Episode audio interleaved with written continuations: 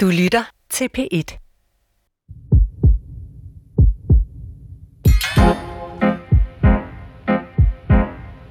Med meget stor sandsynlighed, så har du mindst én gang oplevet den her skavank på egen krop. Jeg snakker om en lidelse, en ubehagelighed, som næsten 900.000 danskere har glæde af hver eneste år, og som er den sygdom, langt de fleste mennesker over hele verden på et eller andet tidspunkt har behov for at blive behandlet for. Er det måden dårligt syn? Bumser? Hemorrider? Nej, spids nu lige ører. Det er ondt i ryggen. På listen over de sygdomme, som på verdensplan medfører flest år levet med uarbejdsdygtighed og handicap, er lænderygsmerter en vaskeægte højdespringer. Fra en 13. plads i 1990 til en 9. plads i 2019 er det altså en af de lidelser, der hæmmer allerflest mennesker i at leve deres liv og passe deres arbejde, både nord og syd for ekvator. Og det er altså i skarp konkurrence med hjertesygdom, diabetes, tuberkulose, malaria osv. Så hvad skal vi dog gøre for at forebygge og behandle rygsmerter? Til en start. Vi skal i hvert fald ikke vælge den løsning, som de fleste nok har på ryggraden. Nemlig at købe et hævesænkebord, undgå skæve løft og så ellers sluge en god håndfuld smertestillende piller. Der er sket et kæmpe paradigmeskift, hvor en masse umiddelbart snusfornuftige idéer er smidt ud og erstattet af en analyse af, hvad der rent faktisk virker. Selvom forskerne jo altså også har måttet erkende, at de faktisk ikke helt kan forklare, hvorfor. Rygvidenskaben beder dig faktisk ikke længere om at bevæge dig på helt bestemte måder for at passe på ryggen. Noget overraskende så indeholder de nye anbefalinger, at du dels holder dig i gang, dels går tilbage på skolebænken og studerer rygsmerter. Og ikke mindst taler om dem. I dag tager sygt nok en ridetur på den overrumplende, robuste ryg. Mit navn er Maja Thiele. Velkommen til. Og velkommen til mine to gæster. Jan Hartvisen, professor øh, og forskningsleder på Institut for Idræt og Biomekanik på Syddansk Universitet og seniorforsker ved Kiroprakternes Videnscenter. Og Andreas Holtermann, professor med speciale i fysisk arbejde og helbred ved det Nationale Forskningscenter for Arbejdsmiljø. Øh, og Andreas Holtermann, på sådan en dansk gennemsnitlig arbejdsplads, altså et kontor, øh, byggeplads, whatever. Hvordan reagerer man så typisk, hvis en medarbejder ringer ind og siger, jeg har ondt i ryggen i dag, jeg kan altså ikke komme på arbejde? Jamen nok det, det de fleste vil sige, øh, for fem år siden, ti år siden, så ville det nok, nok det, det umiddelbare svar var, nej men stakkers dig, nu har du ondt i ryggen, nu skal du holde dig hjemme, tag det nu stille og roligt, øh, hold sengen, gå til din læge, øh, måske også tage noget smertestillende, så du kan slappe helt af, og så sygemelde dig nu i mm. nogle dage. Mm. Og, og det, det sagde du, det sagde man for nogle år siden. Hvad, hvad siger man nu? Jamen, jeg tror fremdeles, at rigtig mange arbejdspladser vil sige, at øh, jamen, smerte er jo i princippet ikke noget, man dør af. Så kan du ikke komme på, på arbejde og udføre dine arbejdsopgaver. Øh, hvis medarbejderen så siger, jamen min ryg det gør simpelthen så ondt, at jeg, jeg kan bare ikke klare det, så tror jeg nok svar for, fra rigtig mange vil være, okay, hold det nu bare hjemme og, og, og bliv rask. Tag det stille og roligt. Og, og hvis nu så du skulle bestemme, øh, hvis det var dig, der var chefen, hvad vil du så sige? Så vil jeg sige, jamen øh, vi har viden om, at det bedste, det er faktisk ikke at holde seng. Det er at komme ind på arbejdet og holde sig i gang og aktiv. Men det, det, det vi selvfølgelig skal starte med, det er at tage en god snak om, jamen, hvordan er de her smerte for dig? Hvad er det, du kan lave af arbejdsopgaver? Hvad er det, du ikke kan lave, så vi kan få tilrettelagt dit arbejde på bedst mulig måde? Så du vil, du vil være en ret lydhør chef, øh, lyder det som. Det skal vi nok øh, komme tilbage øh, til. Øh, Jan Hartvigsen, øh, hvor almindeligt er det så, at folk har en nedsat arbejdsevne på grund af ondt i ryggen? Det er uhyre almindeligt. Det er faktisk den hyppigste grund til sygemelding i Danmark, ondt i ryggen, og det er den hyppigste grund til, at øh, danskere forlader arbejdsmarkedet før tid. Og, og, og øh, altså jeg slog op på øh, øh inden for den danske sundhedsprofil, den blev sidst opdateret i 2017, og der var det altså 170.000, øh, som øh, havde en diskusprolaps eller en anden rygsygdom, og det er altså ikke engang det, det er jo en delmængde af alle dem, som oplever lænderygsmerter, fordi hvor, hvor mange ja, er det? Al- altså 3 millioner danskere siger, at de har haft ondt i ryggen inden for den seneste måned, og øh, 650.000 siger, at det har øh, begrænset deres hverdag betydeligt. Så så almindeligt er det. Ja. Og 900.000 siger, de har øh, slidgigt eller artrose i deres øh, led her, inklusiv i ryggen. Så det er... Øh, hvis vi skal tale om en folkesygdom, så er det her virkelig en folkesygdom. Så er det den her, vi skal tale om. Ja. Og, og, og hvis du lige skal opsummere, hvad er det så, man traditionelt øh, af behandling har tilbudt øh, folk, som har ondt i ryggen? Ja, traditionelt har anbefalingerne været, og den behandling folk har fået, de har været smertestillende medicin, øh, når de har haft ondt i ryggen, og så er de blevet henvist til at blive røntgenfotograferet eller scannet, fordi så kunne man kigge ind i ryggen for at se, hvad der var galt i ryggen på dem. Mm. Ja, og jeg kan huske, som helt ung øh, læge, så skal man ud og prøve lidt forskellige afdelinger. Der, der var jeg faktisk på en, øh, en øh, rygkirurgisk afdeling, og, og kan huske de der rygoperationer. Hvor hyppigt har det været? Jamen, rygoperationer er øh, meget hyppige øh, inden for, for nogle ting, for eksempel inden for diskusprolapser, eller hvis man har forsnævring af rygmavskanalen og sådan noget, men man er øh, stort set heldigvis øh, holdt op med at, øh, at operere for det, man kan sige rygsmerter, hvor man ikke kan finde en... Øh, en specifik øh, kirurgisk årsag at gå ind og operere, men det gjorde man en del før i tiden. Og gør man stadigvæk i nogle dele af verden. Ja, Øh, og, og, og altså, sådan en rygoperation, det er ikke helt billigt. Øh, medicin, øh, smertestillende medicin er jo noget mere billigt. Hvordan, hvordan er det med de forskellige øh, typer behandlinger? Er det, er det pengene værd? Generelt set har vi spildt helt kolossalt mange penge på at behandle rygpatienter og undersøge rygpatienter med scanninger og dyre undersøgelser. Øh, og der er faktisk meget, der tyder på, at vi ikke bare har spildt pengene, vi der er meget, der tyder på, at sundhedsvæsenet faktisk har været med til at gøre problemet værre for patienterne. Altså vi har brugt en masse ressourcer, og, og mange af patienterne har været værre stillet efter behandlingen, end de var før. Så, så, det er jo ikke det, der er meningen. Så, nej, det er bestemt ikke det. øh, det. Det tror jeg, øh, man behøver ikke at være sundhedsøkonom for at vide. Øh, øh, øh, til jer begge to, måske Andreas øh, øh, først. Hvad er det så, der har ændret sig? Jeg, jeg teasede lidt i starten om, at der har været et paradigmeskift. Hvad går det ud på? Øhm, for at gøre det helt kort, så tror jeg, det der ændrer sig er, at vi, man i udgangspunktet har set på det som en øh, smertene kommer fra en skade i musklen eller i, i, i nerven i, i, i ryggen, øh, eller også andre steder i kroppen. Øh, og at der har været en, en meget klar fysisk, direkte årsag til den her skade, som så har givet direkte smerter. Altså i virkeligheden øh, en god klassisk apparatfejlsmodel. Hvis, hvis vi kan finde der, hvor skruen er løs, så kan vi skrue den fast igen. Præcis. Man skal jo finde den, den, den ene ting, som var årsag til det, og så kunne man uh, identificere gerne med at uh, kigge på det, eller altså via, via scanning eller andet, kunne man identificere lige præcis, hvor fejlen ligger hen, og så kan man nemt lave en en øh, øh, behandling af det. Og hvorfor er man gået væk fra den idé?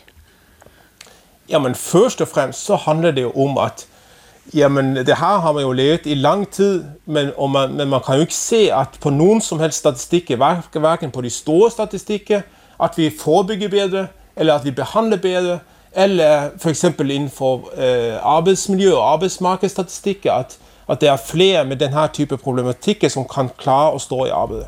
Så det, det, det er jo ingen tendens til, at det her har været en effektiv øh, metode til at, til at behandle det her på.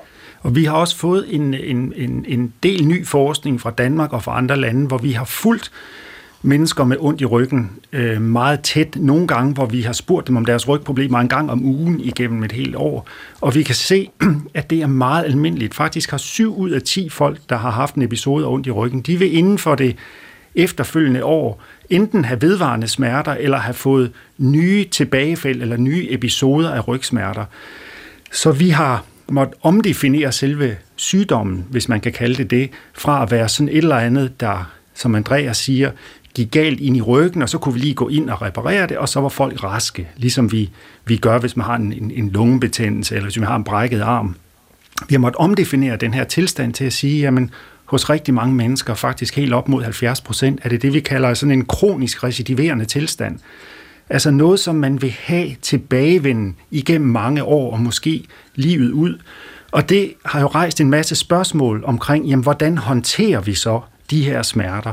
Hvordan bliver vi meget bedre til at øh, lære folk at, øhm, at, at, at leve med problemerne, men også at give dem nogle realistiske forventninger om, i hvert fald hvis de har de her tilbagevendende smerter, hvad de kan forvente sig af den behandling, de får. Så vi har måttet omdefinere hele den måde, vi ser rygsmerter på, fra sådan et, som du siger, en apparatfejlsmodel til sådan en kronisk tilbagevendende tilstand hos mange mennesker. Er, er det, Jan Hartvigsen, er det sådan en eller anden forståelse af at sige, jamen det at være menneske og gå på sine to ben og have en ryg, der nogle gange er, som den er, det, det, det vil betyde, at man får ondt?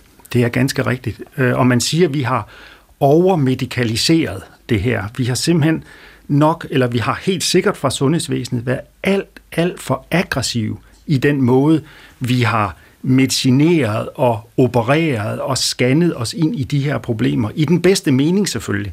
Men nu ved vi fra forskningen, at det ser ud til, at det er meget mere frugtbart at gå en anden vej. Og nu er udfordringen så at få forvent den supertanker, vi har, så både befolkningen og patienterne har nogle, kan man sige, realistiske forventninger til, hvad de kan forvente sig af sundhedssystemet, og, men lige så meget at lære sundhedssystemet at agere på en uh, rationel måde, når men, de står over for de her borgere. Men Jan Hartvigsen, du, du siger, at, at, at sundhedsvæsenet, samfundet som, som helhed, måske i virkeligheden har gjort mere skade end ikke at gøre noget. Øh, men hvis man sidder og er en af dem, der har ondt i ryggen, øh, og, og så pludselig får man at vide, at Jan Hartvisen siger, at jeg skal ikke til noget smertestillende, jeg skal ikke gå til øh, købe et hævesænkbord. I virkeligheden kan jeg ikke gøre noget som helst ved det her. Det er en del af det at være i live. Kan du ikke forstå, at man føler sig lidt frustreret? Det er jo tro, øh, og der er også noget, man kan gøre. Øh, for det første, så ved vi, at den, øh, så ligesom Andreas fortæller om, hvis man øh, holder sig i sin hverdag, og hvis den hverdag, man har på arbejdspladsen, eller hvor man nu er, øh, er i stand til at rumme det helbredsproblem, man har, ja, så får man det faktisk bedre, og så har man færre smerter, og man fungerer bedre. Det er også vigtigt, at man er fysisk aktiv øh, og bruger sin ryg, så får man det også bedre, og så får man også færre smerter. Og så findes der nogle behandlinger, som vi måske kan tale om senere, for eksempel forskellige former for manuel behandling og andre behandlinger, som kan, øh, som kan hjælpe på smerterne. Mm. Så der er, man har bestemt muligheder. Håbet lysegrønt. Det er det helt sikkert. Du lytter til øh, Sygt Nok. I dag har vi lagt os øh, på massagebriksen og, øh, og masserer vores ømme øh, muskler i ryggen. Det skal handle om rygsmerter, og med mig i studiet er Jan Hartvisen, professor og forskningsleder på Institut for Idræt og Biomekanik på Syddansk Universitet og seniorforsker ved Kiroprakternes Videnscenter, samt Andrea Holtermann, der er professor med speciale i fysiske arbejde og helbred ved det Nationale Forskningscenter for Arbejdsmiljø. Og vi skal bestemt snakke om behandling af smerter i ryggen, for det er der jo øh, mange, der efterspørger. Øh, jeg synes også lige, vi skal få nogle tal på, altså for hvor mange det egentlig øh, efterspørger øh, det her. Altså øh, igen, ifølge den danske øh, sundhedsprofil, danskernes sundhed, så var det altså 16 procent af alle danskere, som inden for de sidste 14 dage havde haft ondt i ryggen. Øh, og så er der prisen, altså det, som det koster samfundet at, at øh, betale for jamen, tabt arbejdsfortjeneste, diverse behandlinger og henvisninger, øh, det er i sig selv til at få øh, et voldsomt hekseskud af. Øh, I USA for eksempel, der brugte man bare i et enkelt år i 2016 135 milliarder på udelukkende at behandle øh, ryg- og nakkesmerter, og det er altså uden øh, at medtage tabt arbejdstid. Øh, Øh, og Jan Hartvisen nævnte jo også øh, tidligere, at ondt i ryggen er altså den hyppigste årsag til, at man øh, som dansker ringer øh, til sin chef om morgenen og melder sig syg. Så, så øh, når vi nu er i gang med at snakke om ryggen, øh, jeg ved ikke, øh, Jan Hartvisen, har du mod på lige at løbe igennem, hvad ryggen så egentlig er, og hvad den består af? Jamen altså, ryggen er jo et fantastisk organ i kroppen, som gør, at vi kan holde os oprejst. Det består af en masse rygvivler, altså nogle knogler, der er stablet oven på hinanden, med nogle stødabsorberende brudskiver ind imellem, og det hele bliver holdt sammen af nogle muskler og nogle ledbånd, der gør, at øh, at ja, vi kan holde os oprejst, men også, at vi kan bevæge vores krop i alle mulige finurlige retninger, som vi kan have lyst til, eller som vi har brug for i, i vores hverdag. Ryg, ryggraden, rygsøjlen har også en meget vigtig funktion i, at den huser rygmagen, som jo er en forlængelse af hjernen, og i løbet af rygsøjlens forløb, der går der nerver ud til hele kroppen, til organer, til muskler, der, der gør, at vi kan... Øh, at vi kan styre vores krop, både det, vi styrer bevidst, men også det, som vores nervesystem øh, styrer, uden at vi behøver at tænke over det. Øh, så når man har problemer med ryggen, så sker det ikke sjældent, at man også får problemer med nervesystemet på den ene eller på den anden måde. Det kan være tryk på nerve, eller det kan være andre problemer med, med, med nervesystemet. Så ryggen er et, har, har rigtig mange komponenter og har mange komplicerede og livsvigtige funktioner for kroppen. Ja, ja, man kan måske sige, at det er jo med alle led, øh, så er det altid en afvejning af øh, bevægelighed, altså mobilitet versus stabilitet. Mm. Og hvis du vil have et meget stabilt led, så har du ikke særlig god øh, bevægelse i, eller ikke så mange bevægeflader i, øh, i ledet. Og, og der, er, der kan ryggen jo altså virkelig bevæge sig rundt. Det kan den, og den er også rigtig, rigtig stærk. Det er, øh, det er vi meget heldige med.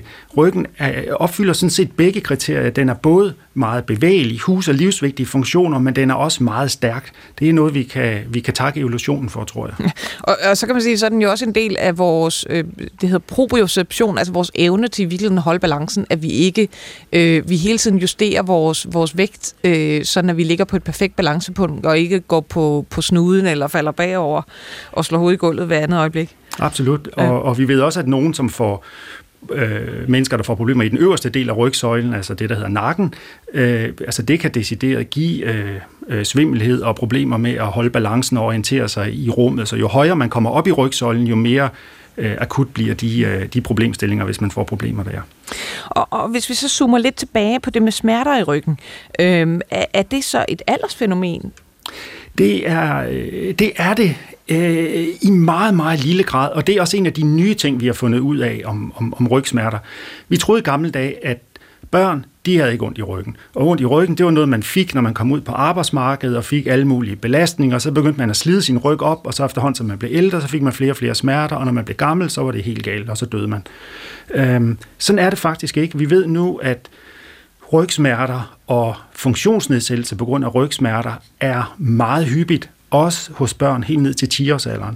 Og vi ved, at i teenageårene mellem sådan 12 og 18 år, der stiger hyppigheden af rygsmerter dramatisk. Så når vi når 18-20-årsalderen, så er sådan forekomsten af rygsmerter på befolkningsniveau på samme niveau, som den er hos 40- og 50-årige. Så øh, rygsmerter er noget, der foregår hele livet, og der er faktisk, i modsætning til mange andre sygdomme, en ret lille alderseffekt i det. Mm. Hvis man så kigger ud over alderen, øh, Andreas Holtermann, er der, er der nogle befolkningsgrupper, der, der står for hovedparten af rygproblemerne, eller er det simpelthen spredt ud som en, øh, en god, tynd fedtemad? Jamen, det, det, vi, det vi ser er jo, at det gælder jo i princippet for hele befolkningen. Uh, men det er klart, at vi ser nogle forskelle både i forhold til uddannelsesniveau, Eh, altså desto høyere utdannelsesnivå uh, eh, man har, desto færre har, uh, har smerte. Og det samme ser vi i forhold til men det kan også være f.eks. Uh, personer som er overvektige, har litt høyere, har litt høyere forekomst. Kvinner har litt høyere forekomst. Men det, det er klart det vi, som vi ser den store forskjell på, det er jo med på konsekvensene av det å ha ryggsmerte. Altså hvis man, man kigger på for eksempel sygefravær eller førtidig tilbagetrækning fra arbejdsmarkedet, så er det jo stor forskel på for eksempel de, de højtuddannede og de kortuddannede. Og, og hvorfor er der det? Jamen, hvis du forestiller dig, at, øh, at en af os, for eksempel dig, som er en vidensarbejder, får ondt i ryggen, øh, og så forestiller du dig, at en øh, i hjemmepleje øh, med samme køn og alder og samme rygsmerte øh, får det her problem. Så det er klart, at vi kan jo i høj grad som vidensarbejder, som ikke er afhængig af, i den grad afhængig af krop til at kunne lave et arbejde, vi kan jo i princippet lave et stykke arbejde i mange, mange år med høj kvalitet og produktivitet. Hvis du arbejder i hjemmeplejen, der du, din krop er simpelthen et af de vigtigste værktøjer, du har, så er det klart, at så, så, så stiller det nogle helt andre barriere i forhold til din, din mulighed for at være produktiv, og, og udføre dit arbejde med kvalitet, og selvfølgelig også på en måde, der du har energi øh, til et godt liv. Men, men øh, øh da du skulle forestille dig at være øh, chef for en stakkels øh, sygemeld mand eller dame, der sagde du jo netop, at man skulle komme tilbage til arbejdet. Det lyder egentlig lidt som om, det er det modsatte, du siger nu. Hvis jeg er en, der er afhængig af at kunne lø- bruge min krop til arbejde, så er det sværere at komme tilbage. Hvordan hænger det sammen? Ja, men det, det har som er lidt kompliceret, og som jeg har, jeg har prøvet i mange år at forklare, øh, forklare tydeligt og klart. Vi må se, om, om jeg lykkes nu. Ja, men en ting er jo det her med, at, et, ens arbejde, for eksempel hvor, hvor manuelt øh, krævende arbejde er, det er klart, at det er jo en, det er jo en barriere i forhold til at stå lang tid på arbejdsmarkedet, hvis man har ondt i ryggen. Altså, det, det er jo, Øh, hvis du har ondt i ryggen, så tror jeg alle sammen øh, kan forstå, at jamen, så er det godt nok svært at, at kunne holde i mange år, hvis du er øh, jord- og betonmedarbejder. For du er, du er afhængig af at have en rigtig stærk, sund, rask ryg til at udføre det job. Derimod, hvis du er en kontormedarbejder, så kan du fint klare det job uden de større problemer eller konsekvenser for dit, dit job i mange år, til trods for at du er ondt i ryggen. Så det er på en måde enig for at forstå det her med, jamen, hvordan kan man, øh, hvordan kan man klare sit job? Hvor, hvor, hvordan kan man klare at stå på arbejdsmarkedet og, øh, i mange år med det her problemstillinger? Og så er det jo noget andet i forhold til, jamen, øh, hvordan er det jobbet påvirker, om man har får smerte? Øh, og selvfølgelig også jobbet påvirker i forhold til generelt set, hvilke ressourcer har man i livet bredt set til at håndtere den type problemstilling. Mm. Så, så, altså, så den jordbetonarbejder øh, eller social- og sundhedsassistent, som får ondt i ryggen, det er ikke, fordi vedkommende løfter forkert? Altså, de, de har svært ved at komme tilbage til arbejde, fordi de er afhængige af at kunne bruge deres ryg for at løfte? Ja, altså i, i høj grad, så, så er det jo det. Altså i princippet så er det jo et værktøj. Deres ryg er et, et primært værktøj for at udføre arbejdet. Og det er klart, at hvis, øh, hvis de har problemer med det værktøj, så er det svært at gøre sit job. Øhm, men det er jo i udgangspunktet. Altså det vi alle helst uh, ser, det er jo at man har arbejdspladser, der, der man kan få de hjælpemidler, man får, kan få de tilpasninger, så at man har mulighed for at gå på arbejde med de smerte og skavanker man nu har, og kan være aktiv og udføre sit job på, efter bedste evne. Mm-hmm. Men, men hvis jeg må indskyde, så skal vi huske på, hvis vi tænker få årtier tilbage, eller måske 50-100 år tilbage, der var arbejdsmarkedet meget, meget mere fysisk krævende, end det er i dag. Vi løftede meget mere, end, end vi gør i dag. I dag er arbejdsmarkedet blevet meget mere stillesiddende, bortset fra nogle erhverv, og Andreas har nævnt nogle af dem. Men på trods af, at vi løfter meget mindre, end vi gjorde for bare få årtier siden, så er påvirkningen af rygsmerter i vores samfund steget betragteligt. Faktisk på verdensplan, selvom vi har haft den her udvikling, så er funktionsnedsættelse på grund af rygsmerter steget med over 50 procent på bare 25 år siden 1990. Så det at nedbringe de fysiske belastninger, selvom det kan give god mening på enkelte arbejdspladser i samfundet som helhed, der har det ikke betydet noget som helst, faktisk tværtimod.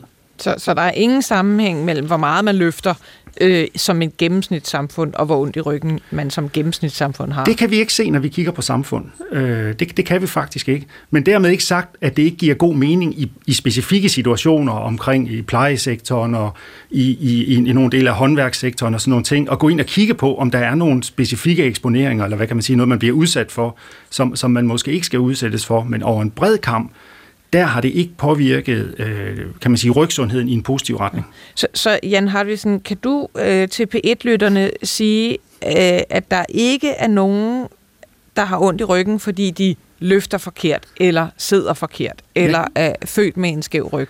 Jeg kan sige, at der findes ikke en rigtig løftestilling, og dermed findes der heller ikke en forkert løftestilling. Det følger men der er nogen, der har fået en rygskade ved at løfte, øh, ofte ved at løfte mere end deres ryg var i stand til, kan man sige. De har mødt en, en større udfordring end deres, end deres, deres ryg, den måde, den var lavet på, eller den træningstilstand, den er i, har kunne honorere. Men det er ikke, fordi de har løftet forkert, det er mere fordi, at enten har de løftet noget, som simpelthen var ud over, hvad, de, hvad, der, hvad deres væv i ryggen kunne, eller også så har man gjort det så mange gange, at ryggen er blevet udtrættet, altså det vi kalder ensidigt gentaget arbejde, som heller ikke er en god idé. Mm. Øh, men men en, en rigtig løftestilling, og dermed en forkert løftestilling, det findes ganske enkelt ikke. Det vil jeg gerne sige til Pets lyttere.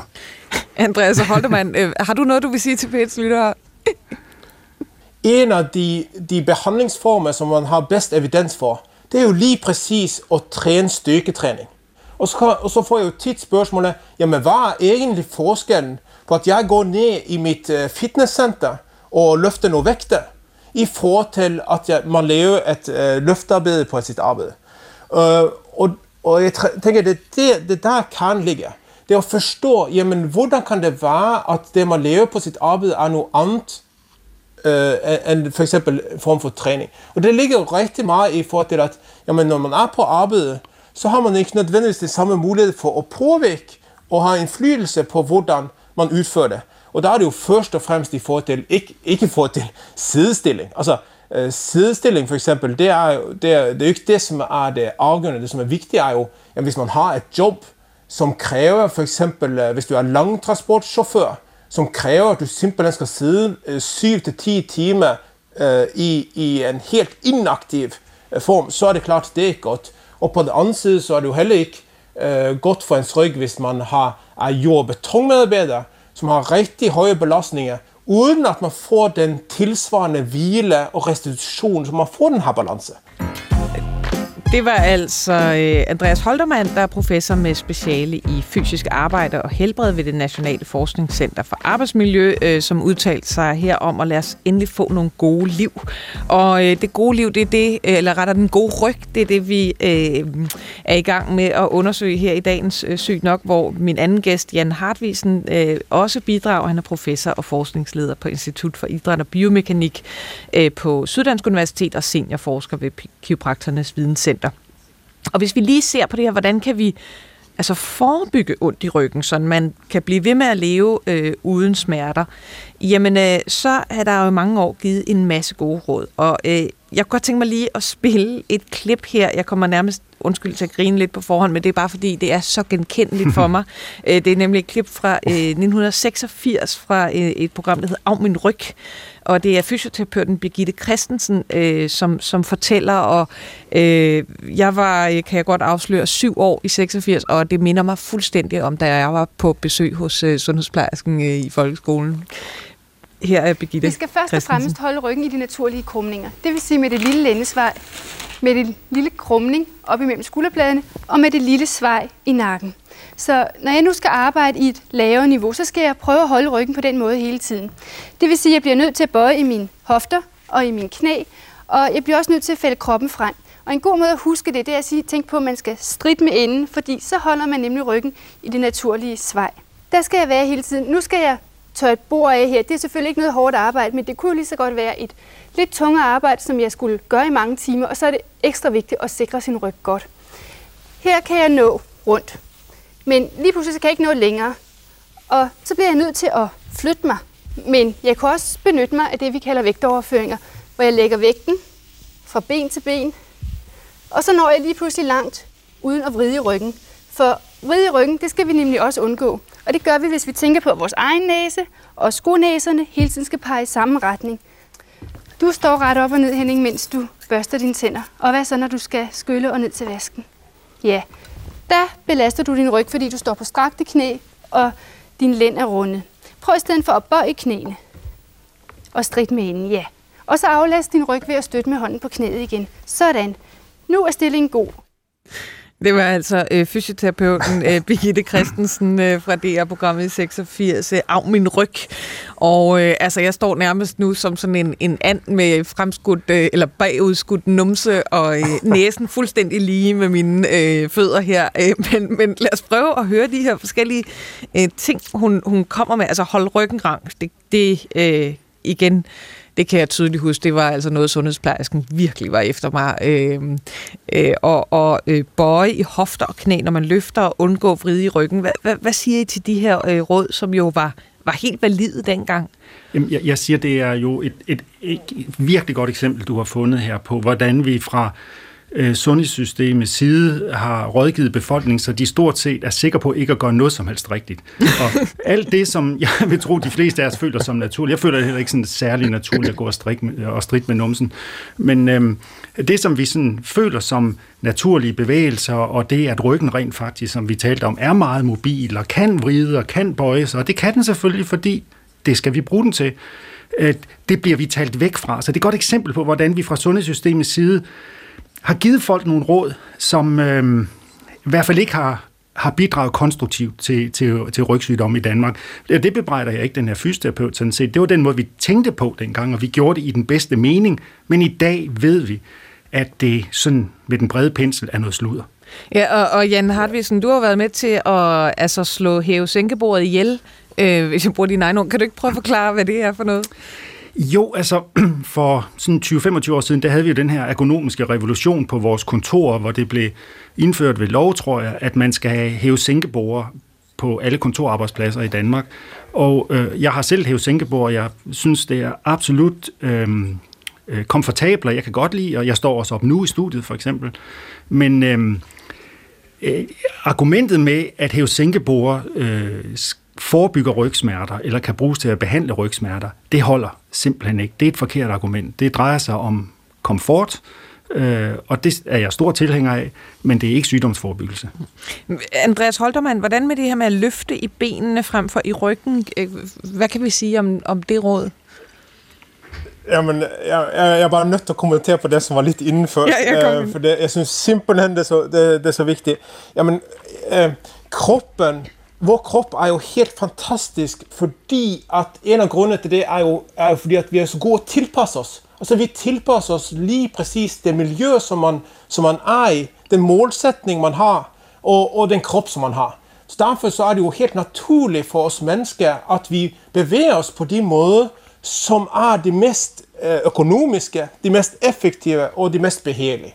Og så er det jo tit sådan, at hvis man går ind og korrigerer på en hel masse af de her ting, så er det jo nærmest større sandsynlighed for, at man lever noget skade end noget gavn.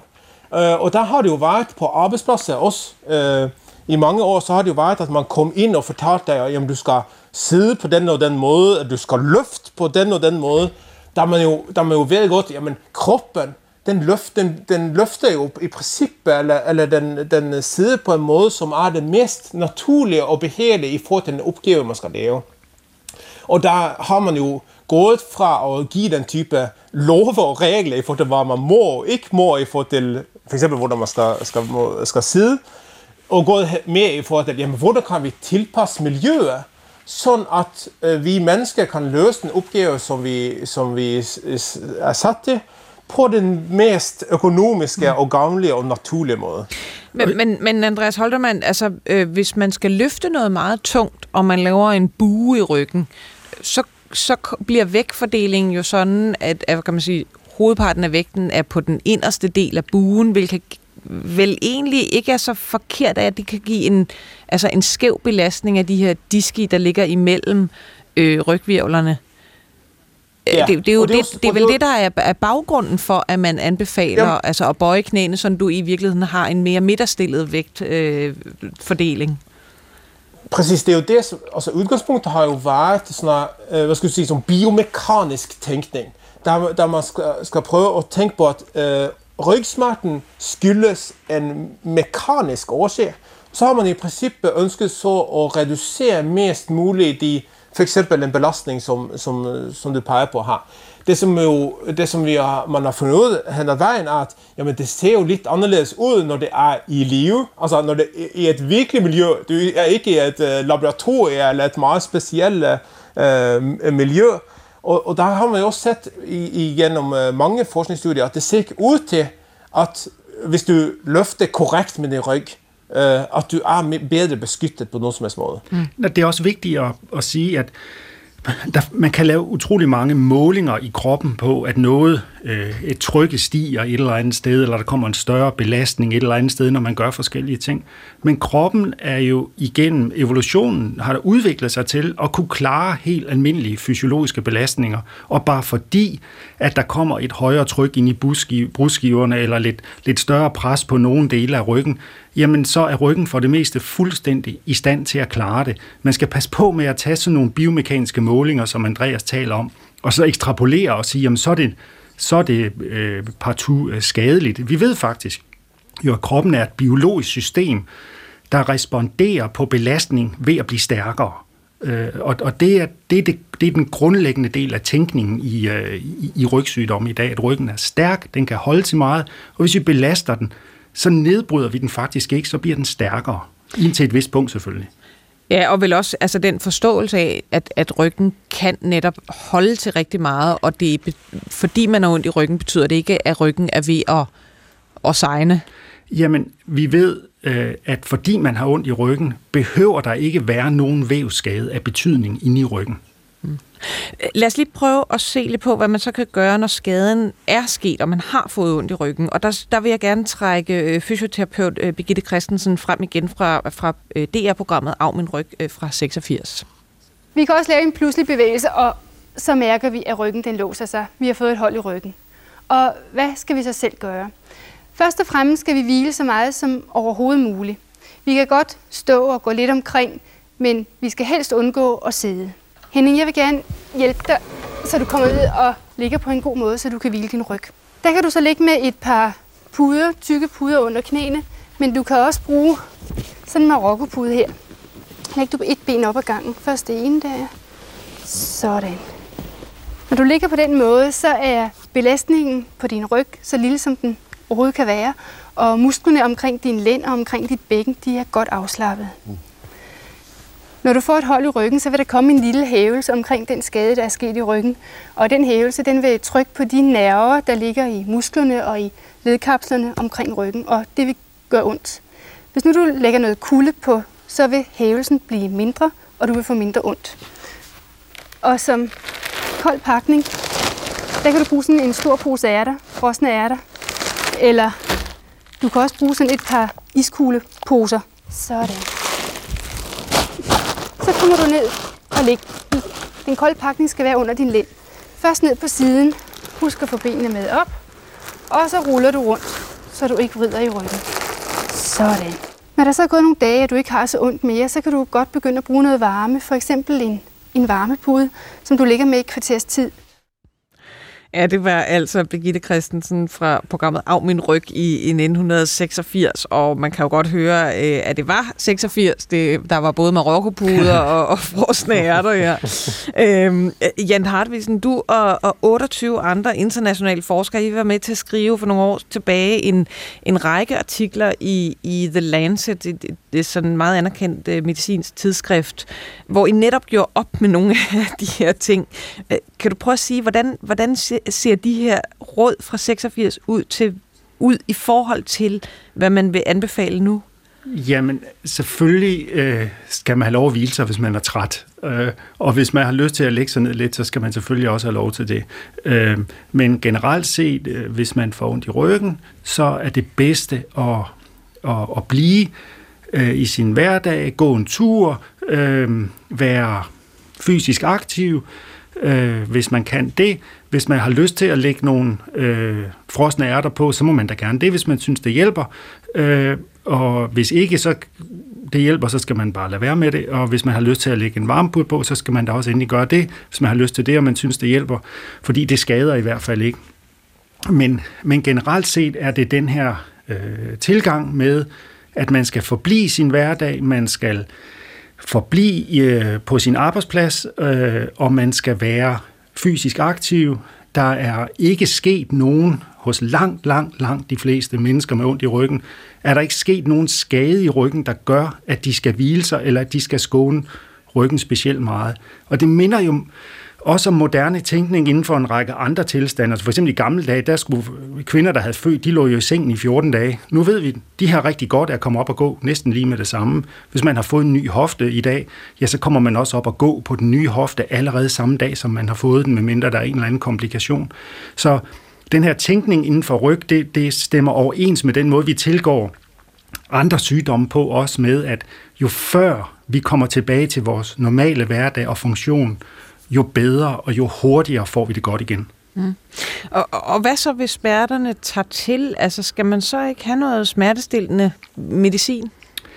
Jamen, smertestillende medicin øh, er bestemt ikke forbudt at tage, men fra at vi for bare 10-20 år siden anbefalede smertestillende medicin som det, vi kalder første linje behandling, altså det første, man skulle gøre, så har vi de nye nationale kliniske retningslinjer fra Sundhedsstyrelsen øh, frarådet, at smertestillende medicin er første linje behandling. Øh, og det er der to årsager til. Det ene er, at vi nu ved fra gode, velgennemførte lodtrækningsforsøg, at øh, effekten af den smertestillende medicin er de mest almindelige brugte, er meget lille, hvis der overhovedet er nogen effekt. Og øh, så kan man jo risikere at få bivirkninger af det, hvilket faktisk ikke er helt ualmindeligt, specielt hvis man er lidt ældre og også har andre samtidige sygdomme. Så vi anbefaler nu, at man holder igen med den smertestillende medicin. Ja, altså så hvis man tager øh, Panodil, som vel trods alt er det hyppigste smertestillende, så kan man faktisk gennem længere øh, brug få muligvis i hvert fald sådan en Panodil-udløst, øh, blandt andet hovedpine. Øh, og, de, og de noget stærkere, øh, altså morfinlignende præparater, kan man jo blive temmelig påvirket af. Ja, altså man lavede et, et fantastisk godt forsøg i øh, Australien for et par år siden, netop med Panodil, hvor man et fordelte folk i forskellige grupper, og en gruppe de fik øh, rigtige Panodil, og den anden gruppe de fik øh, øh, eller kalkpiller, som man sagde til dem, der var Panodil, og så prøvede man at kigge på, om de fik det bedre hurtigt, dem der tog det rigtige medicin, eller om de fik det bedre øh, over tid, altså efter en uge eller 14 dage havde de det så bedre, og man kunne overhovedet ikke se nogen forskel. Altså de her kurver, de, det så ud som om, der kun var én kurve i artiklen. De lå lige oven i hinanden. Der var ikke nogen som helst forskel. Og så skal man selvfølgelig være forsigtig med at gå ud og anbefale en behandling, som man ved altså faktisk ikke har nogen ikke dokumenteret. Ja. For det blev også publiceret i, i, i Lancet øh, i øvrigt, den, den undersøgelse. Andreas Holtermann, hvis vi nu øh, altså lægger marokkopuden tilbage øh, i skabet, og i stedet tager kontakt til en fysioterapeut eller kiropraktor, det, det er der nok mange, der gør i dag. Hvad, hvad får vi så ud af det? Jamen, øh, det er klart, at øh, både fysioterapeuter og kiropraktorer, de arbejder jo mere og mere evidensbaseret, så på den måde så får de jo sandsynligvis øh, et øh, træningsoplæg, øh, som, øh, som er, er nyttigt og effektivt, så det er jo godt.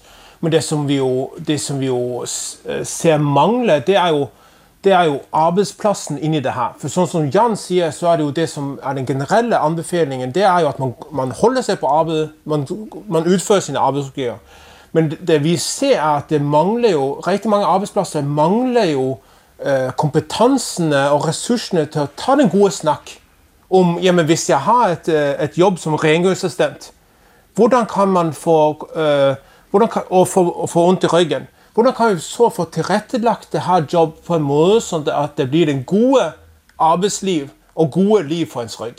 Uh, øh, og, og den del mangler vi utrolig meget på.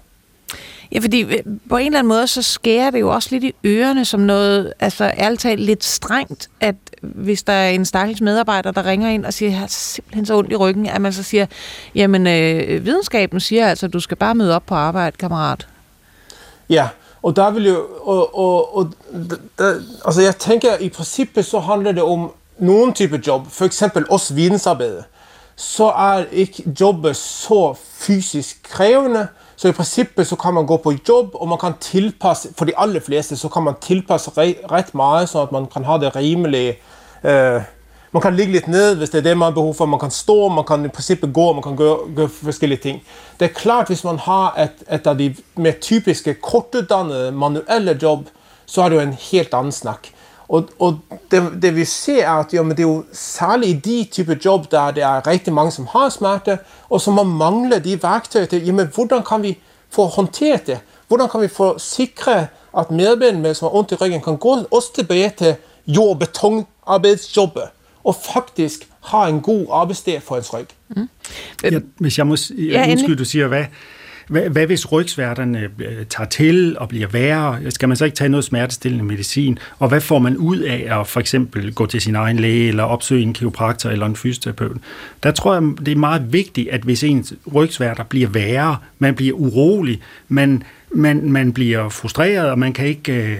Øh, at man kan se, at det ligesom går den forkerte vej, så mener jeg, at det er meget vigtigt at opsøge sådan en, kan man sige, en autoriseret sundhedsperson, øh, for at få undersøgt sin ryg, fordi det kan jo være, det er sjældent, men det kan være, at der er noget øh, alvorligt galt inde i ryggen, som kræver en eller anden helt specifik medicinsk behandling. Det findes jo.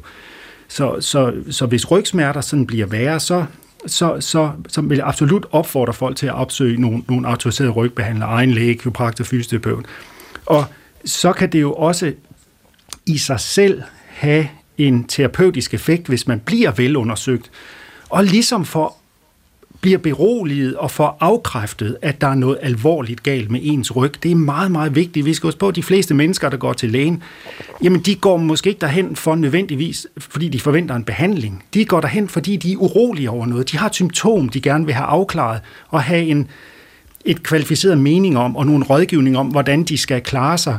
Så, så, så i de tilfælde vil jeg hellere anbefale, at man opsøger sådan en en, en fysioterapeut eller en kiropraktor, eller måske sin egen læge.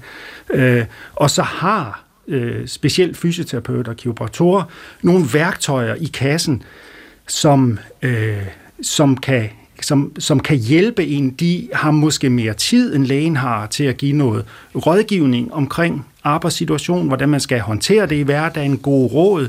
De øh, kan måske vise en nogle ting, man kan gøre. Det kan være nogle træningsøvelser eller andre ting, der kan afhjælpe smerten. Der er forskellige kan man sige, systemer eller måder, man kan gøre det på. Eller de kan måske give nogen en noget, noget behandling, for eksempel noget manuel behandling eller andet, som også kan være med til at afhjælpe smerterne. Så man har også nogle, nogle muligheder Ja, for, for, for Jan Hartvigsen, du har jo en pointe i, at noget af det, en scanning kan gøre, øh, den kan ikke nødvendigvis sige, vi kan se, hvorfor du har ondt i ryggen, men den kan trods alt sige, at der er altså ikke øh, kræft i ryggen, der er ikke øh, spinalstenose, altså forsnævring ja. af, af rygmavskanalen, øh, der er ikke store diskusprolapser, som, som, som trykker på, på nerve i benet.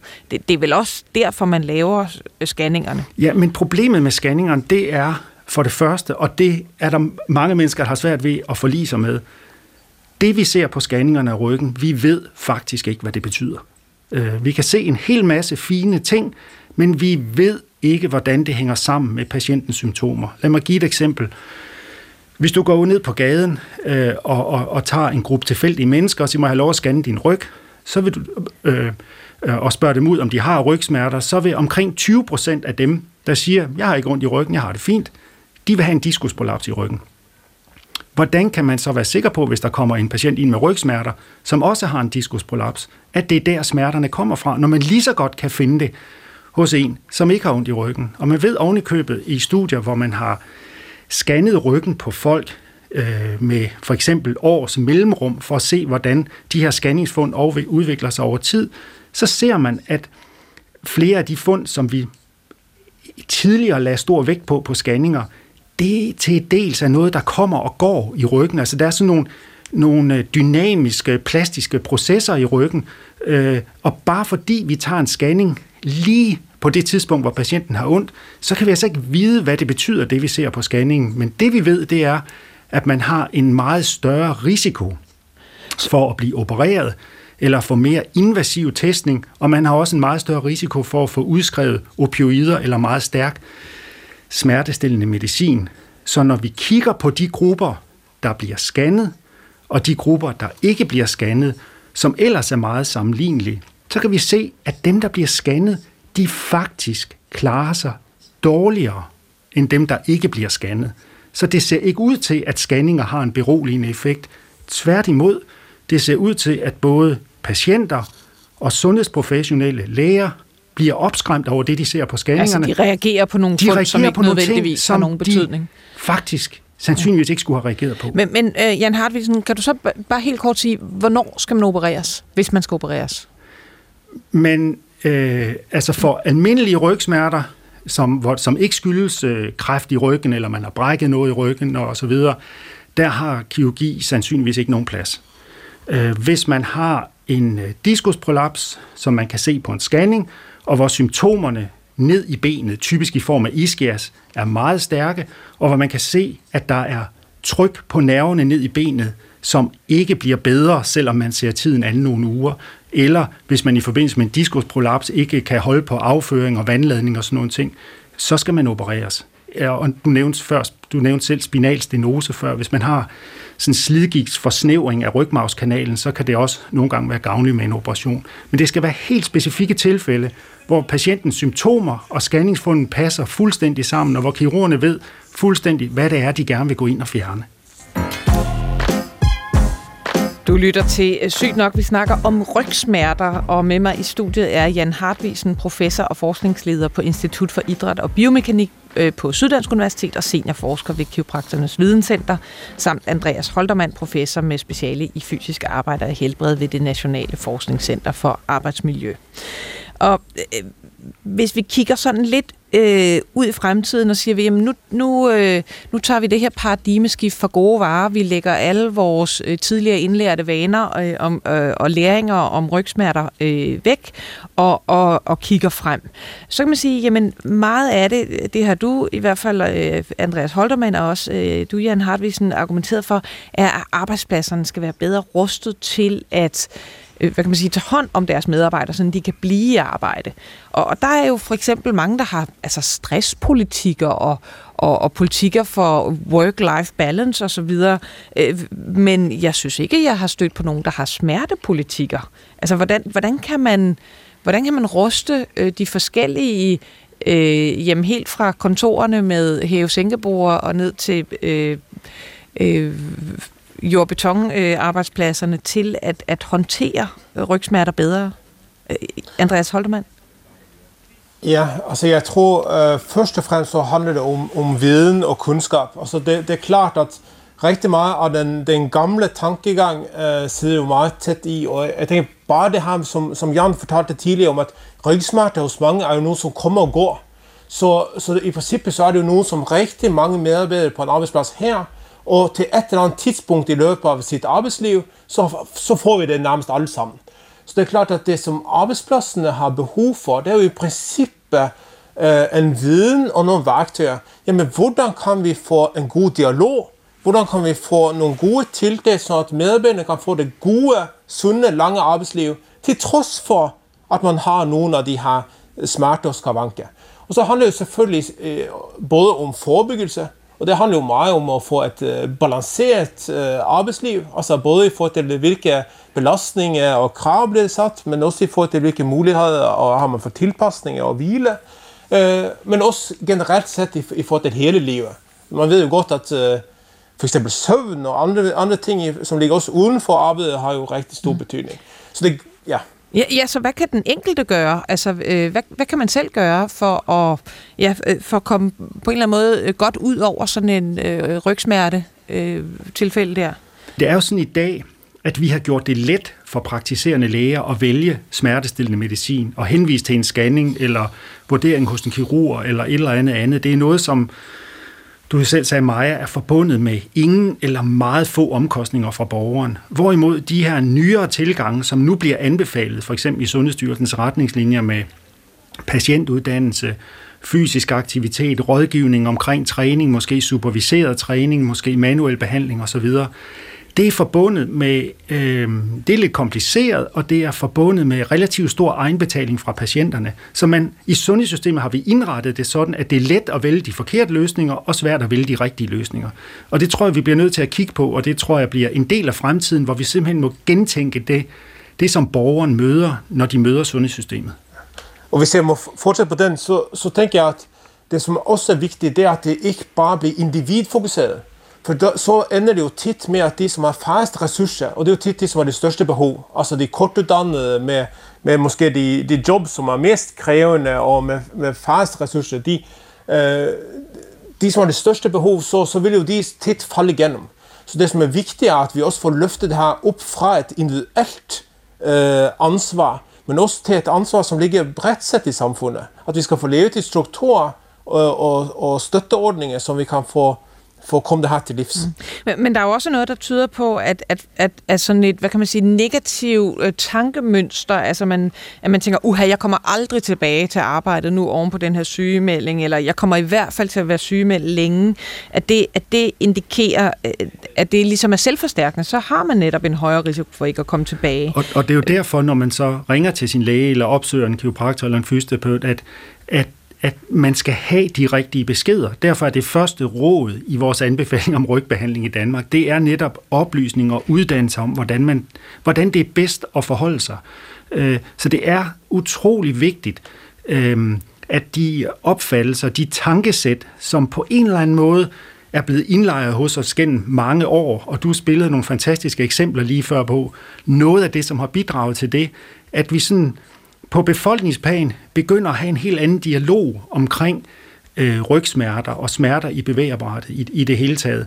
Og det, øh, det kommer til at tage lidt tid, men vi har også nogle muligheder i dag for så, at kommunikere så... med borgere gennem sociale medier, IT og understøtte de, øh, de gode budskaber, der er. Øh, så, så jeg ser egentlig relativt lyst, lyst på fremtiden inden for det her område. Og vi står midt i et skifte lige nu, og det gør, at det er et meget, meget spændende felt at være i. Men, men Jan, Jan Hartvigsen og André Holtermann, bare for, forstår jeg ret, altså I vil tage alle de penge, vi bruger på nytteløse øh, scanninger og øh, behandlinger, der ikke virker, øh, og henvisninger til, til operationer, som bare gør det, smerterne værre, og så bruge dem på øh, undervisning i øh, ryg og, hvad kan vi sige, øh, hjælp til, at den enkelte kan cope med sine rygsmerter bedre? De vil være bedre brugt af i hvert fald, det er helt sikkert. Men øh, jeg håber ikke, du hører, vi siger, at man, man overhovedet ikke skal operere i rygge, fordi der, der er jo nogen, øh, der har nogle tilstande, hvor en operation kan være en rigtig god behandling. Og øh, vi skønner, at omkring 60-80% af de scanninger, vi laver i Danmark i dag, er spild og potentielt skadelige. Så der er altså omkring en 20 procent, som vi godt må gøre. Så vi skal ikke lukke alle scannerne ned, og vi skal ikke fyre alle kirurgerne. Vi skal bare bruge det der, hvor det gør god nytte, og de penge, vi, vi bruger på ting, der ikke gør nytte, og måske endda skader patienterne, det skal vi bruge på steder, hvor vi har en rigtig god idé om, at det vil gøre bedre nytte. Jamen, øh, det blev altså de sidste ord i dagens øh, Sygt Nok. Tusind tak til mine to gæster, Jan Hartvisen, professor og forskningsleder på Institut for Idræt og Biomekanik på klinisk, øh, øh, undskyld, på Syddansk Universitet og seniorforsker ved Kiroprakternes Videnscenter. Og også tak til Andreas Holtermann, professor med speciale i fysisk arbejde og helbred ved det Nationale Forskningscenter for Arbejdsmiljø. Og øh, denne her udsendelse, det er faktisk led i sådan en lille miniserie om øh, ryggen. Og i næste udsendelse taler vi videre med øh, netop Jan Hartvisen, øh, nu sammen med smerteeksperten øh, Morten Hø, øh, hvor øh, vi blandt andet øh, skal prøve at lære at leve med smerter i ryggen. I kan altid finde os på podcast, og vi er også på e-mail, sygtnok.dr.dk. Dagens program blev produceret af Victoria Tovino og Frederik Bjerre. Mit navn er Maja Thiele. På hjertelig genhør.